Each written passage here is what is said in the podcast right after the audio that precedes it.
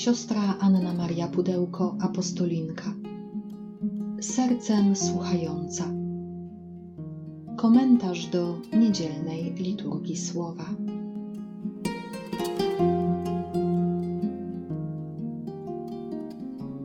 Z Ewangelii według świętego Mateusza.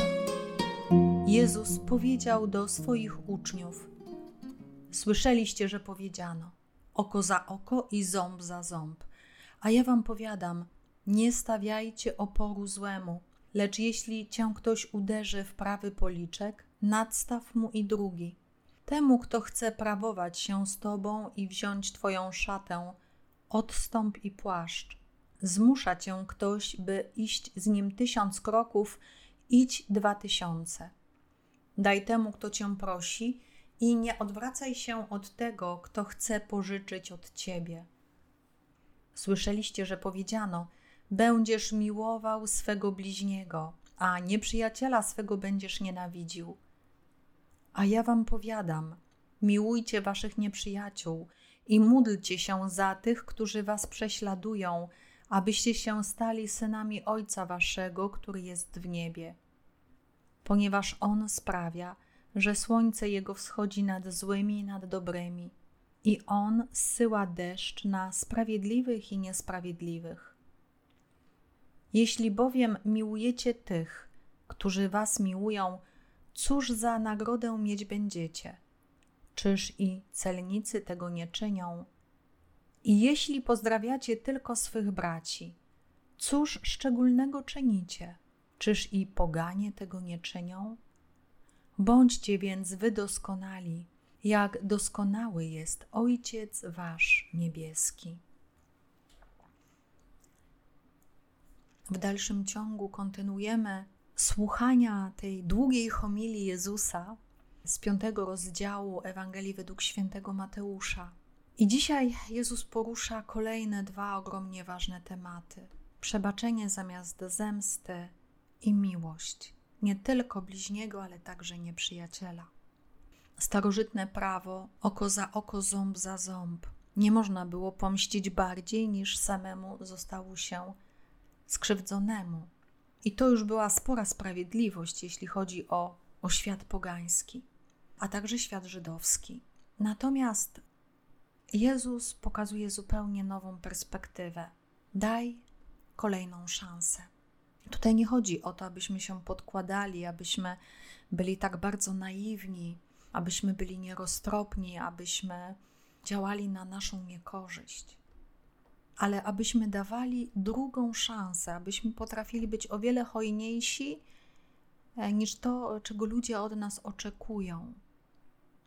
Jeżeli ktoś cię uderzy w prawy policzek, nadstaw mu drugi, ale nie po to, by cię uderzył ale po to, by miał szansę Cię przeprosić. Jeżeli ktoś chce Ci coś odebrać, miej szeroki gest. Jeżeli Cię do czegoś zmusza, daj mu. Ktoś, kto odbiera, ktoś, kto wymusza, to jest człowiek, który nie, nie otrzymał miłości, który walczy o tą miłość, który żebrze o uwagę. Właśnie, daj hojnym sercem, aby zrozumiał, że jest godny, jest wartościowy, że, że można mu po prostu dać. Daj temu, kto cię prosi, i nie odwracaj się od tego, kto chce pożyczyć od ciebie. Tak Jezus puentuje komentarz do prawa Hammurabiego. Będziesz miłował bliźniego, a nie przyjaciela będziesz nienawidził. I Jezus tutaj wywraca mentalność żydowską do góry nogami. Miłujcie waszych nieprzyjaciół, módlcie się za tych, którzy was prześladują, abyście stali się synami Ojca waszego. Ojciec kocha, jego naturą jest kochać. Ojciec kocha nie dlatego, że ktoś jest dobry, tylko dlatego, że jest Ojcem. I chce, abyśmy my czynili tak samo. Nie kochali tylko tych, którzy nam dobrze czynią, którzy nas lubią, którzy nas rozpoznają, którzy nas pozdrawiają to jest łatwe i to jest właściwie kupczenie uprzejmością. Jezus stawia bardzo mocne pytanie: No cóż szczególnego czynicie? Przecież poganie też tak czynią. Jeżeli chcecie być doskonali, to nie bądźcie perfekcyjni, nieomylni, bezbłędni, ale bądźcie miłosierni, kochający, dobrzy jak ojciec. Czyli mówcie dobrze o tych, którzy źle o was mówią.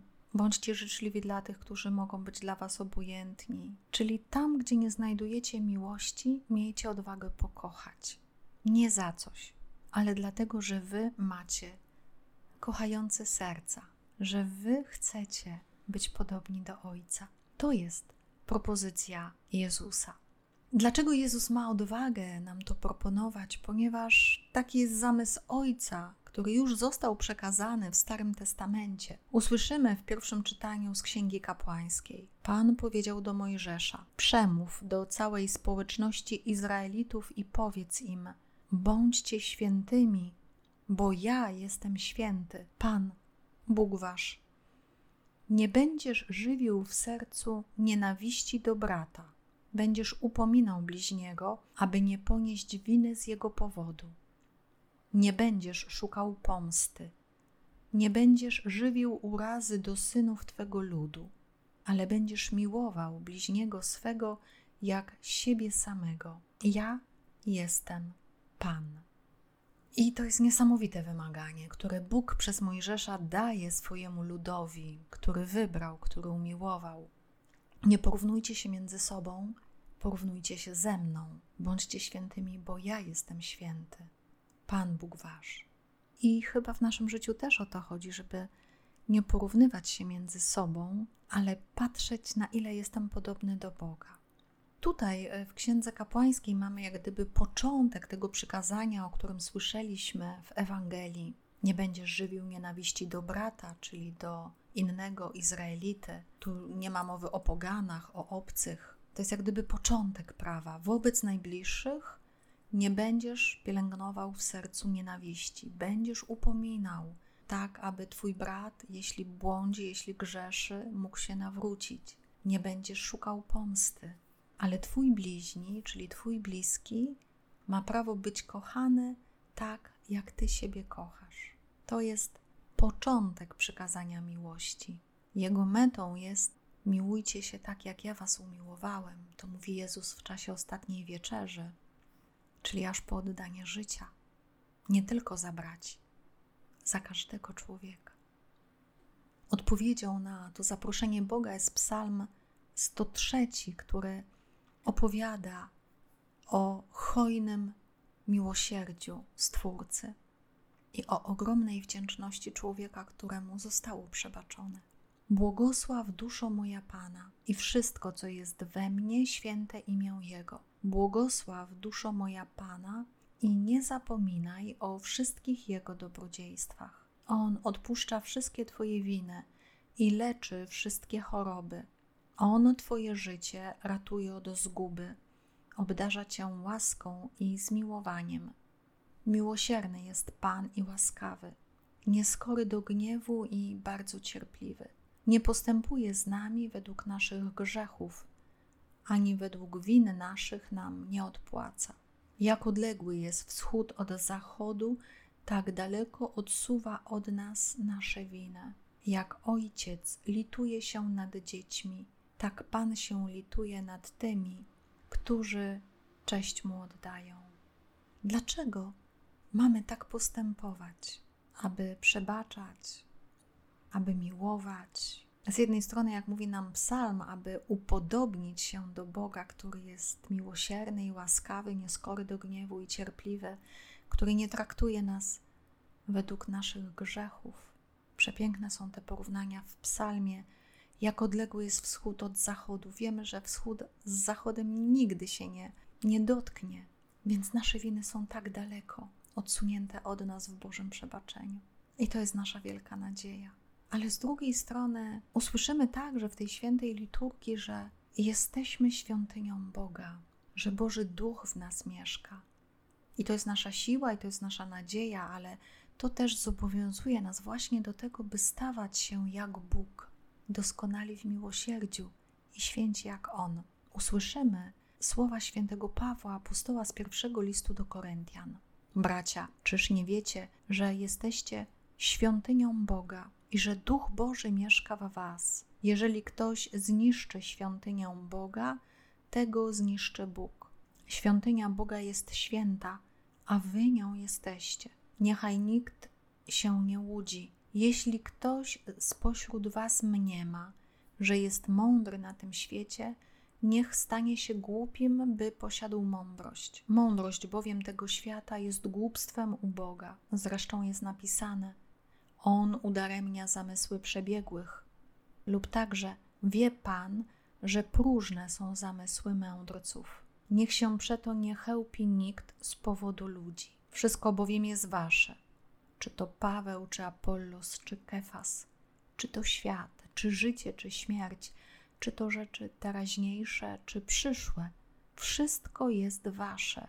Wy zaś Chrystusa, a Chrystus Boga.